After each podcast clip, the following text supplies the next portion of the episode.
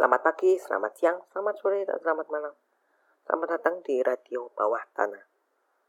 Kembali lagi di segmen RPT itu dengan tema mengenal negara ASEAN 2. Di sini kita bakal mengenal kira-kira tiga negara ASEAN melalui berita. Pertama, Malaysia, yang kedua Myanmar, dan tiga Filipina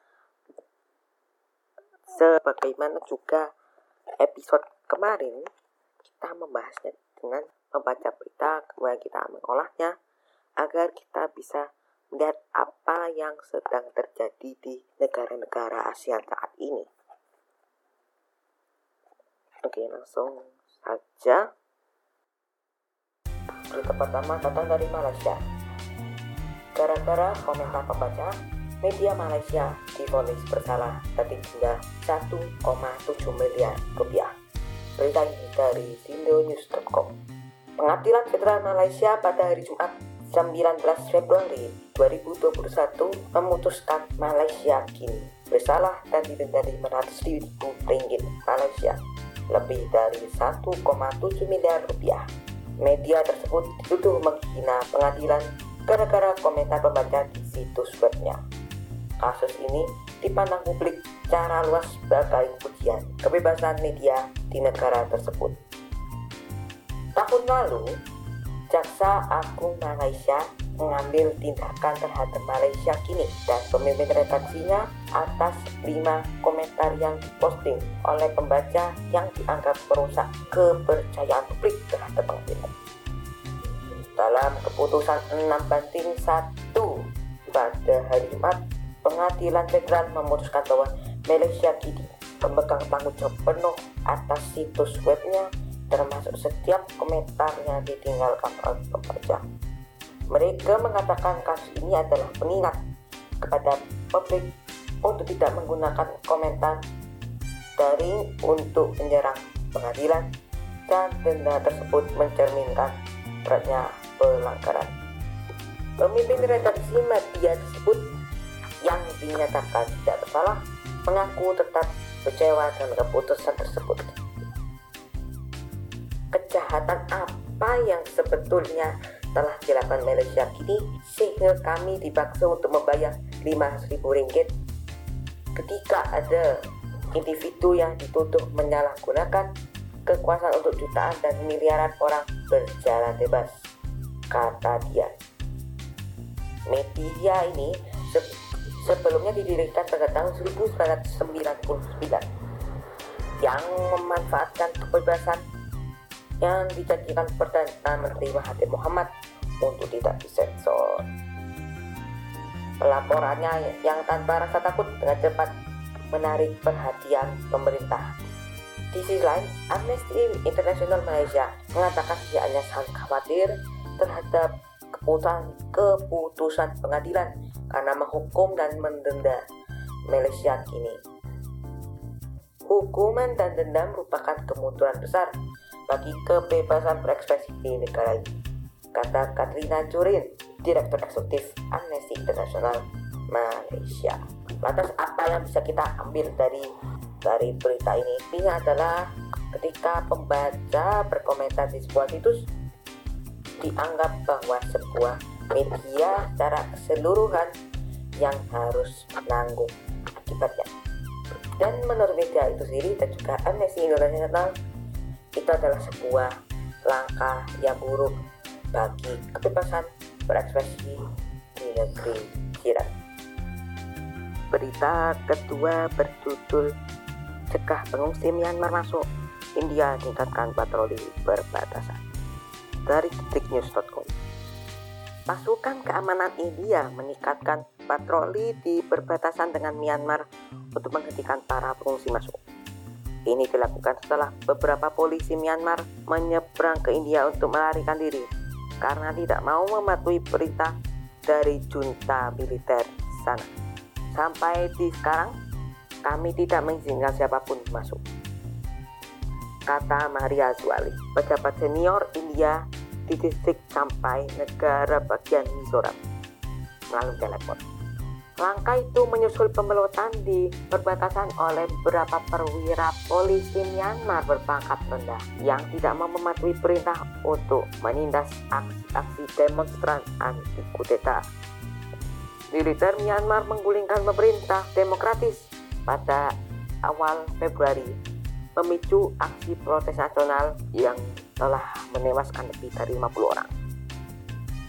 Zauli mengatakan seperti yang dilansir dari Reuters.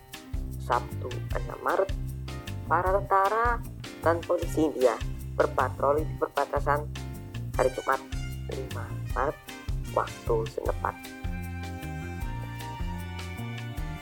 Kami mengantisipasi bahwa beberapa lagi mungkin akan datang. Menurut mereka, dikatakannya pihak berwenang sedang membuat persiapan untuk menampung antara 30 dan 40 orang. Dua kalimat ini dikatakan oleh pejabat senior distrik Serjip Kumar Abhishek. Secara keseluruhan, sekitar 30 polisi Myanmar dan anggota keluarga mereka telah menyeberang ke India dalam beberapa hari terakhir, kata seorang pejabat senior polisi di Mysore, termasuk beberapa orang yang datang semalam.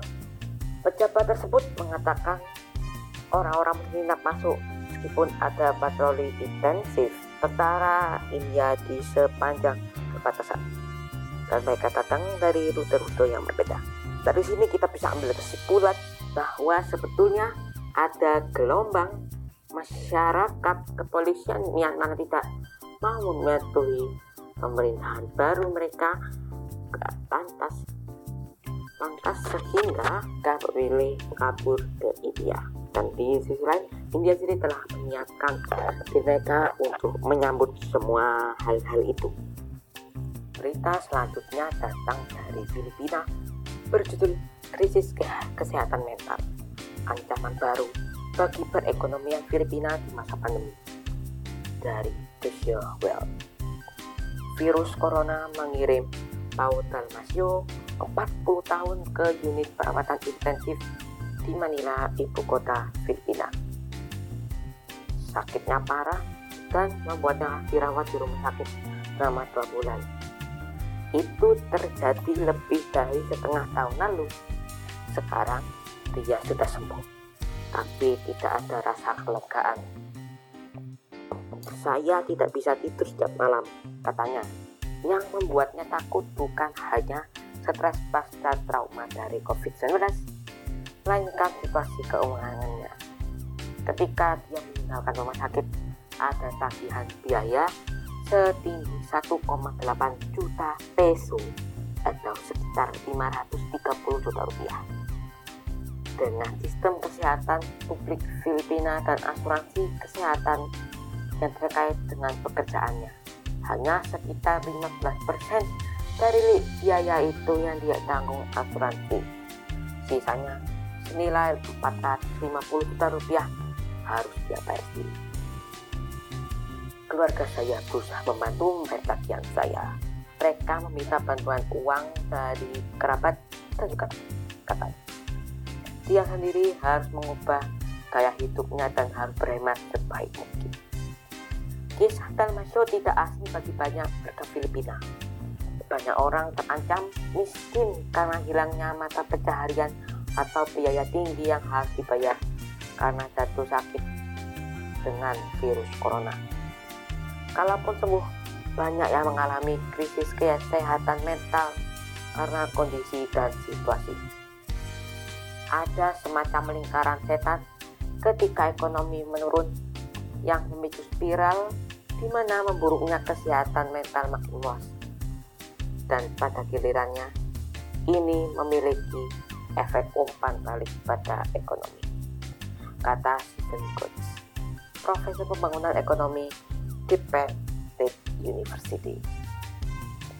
Kesehatan mental yang buruk menyebabkan kurangnya kinerja ekonomi atau tidaknya tidak bisa mencapai potensinya jelas kata pakar yang pernah meneliti soal hubungan kesehatan mental dan ekonomi di Asia ini. Namun di sisi lain, krisis ini menjadi lahan subur bagi psikolog dan terapis. Sesi satu jam dengan psikolog swasta untuk konseling dan psikoterapi dapat menghabiskan biaya mulai dari 1000 hingga 3000 peso dengan gaji bulanan rata-rata 14.000 peso berarti bantuan psikolog profesional jauh dari jangkauan orang-orang sangat sulit menemukan praktisi kesehatan mental yang memberikan biaya populo atau cuma-cuma. Katalira Versosa, konsultan independen untuk layanan psikologi di Filipina. Menurut dia pula, semakin jauh dari perkotaan, semakin jarang ada dokter, apalagi psikolog. Yang bisa kita ambil dari sini adalah betapa buruknya sistem kesehatan Filipina, perlindungan pemerintah, dan juga akses masyarakat terhadap pelayanan kesehatan mental yang akhirnya berakibat kembali pada kondisi ekonomi yang semakin memburuk di tengah pandemi COVID-19. Terima kasih sudah mau mendengarkan sampai di sini. Tentu saja berita ini kami ambil melalui mesin pencari dan kesemuanya kami akses pada tanggal 6 Maret 2021 sekitar pukul 2 siang 14.00 sampai 14.25 menurut saya tidak perlu ada hal yang perlu dibatasi mohon maaf apabila ada kesalahan dan sampai jumpa di konten RPD Edu ataupun NNNN lainnya yang risetnya masih berlangsung. Saya mengucapkan terima kasih sekali lagi dan selamat pagi, selamat siang, selamat sore, dan selamat malam dari Radio Bawah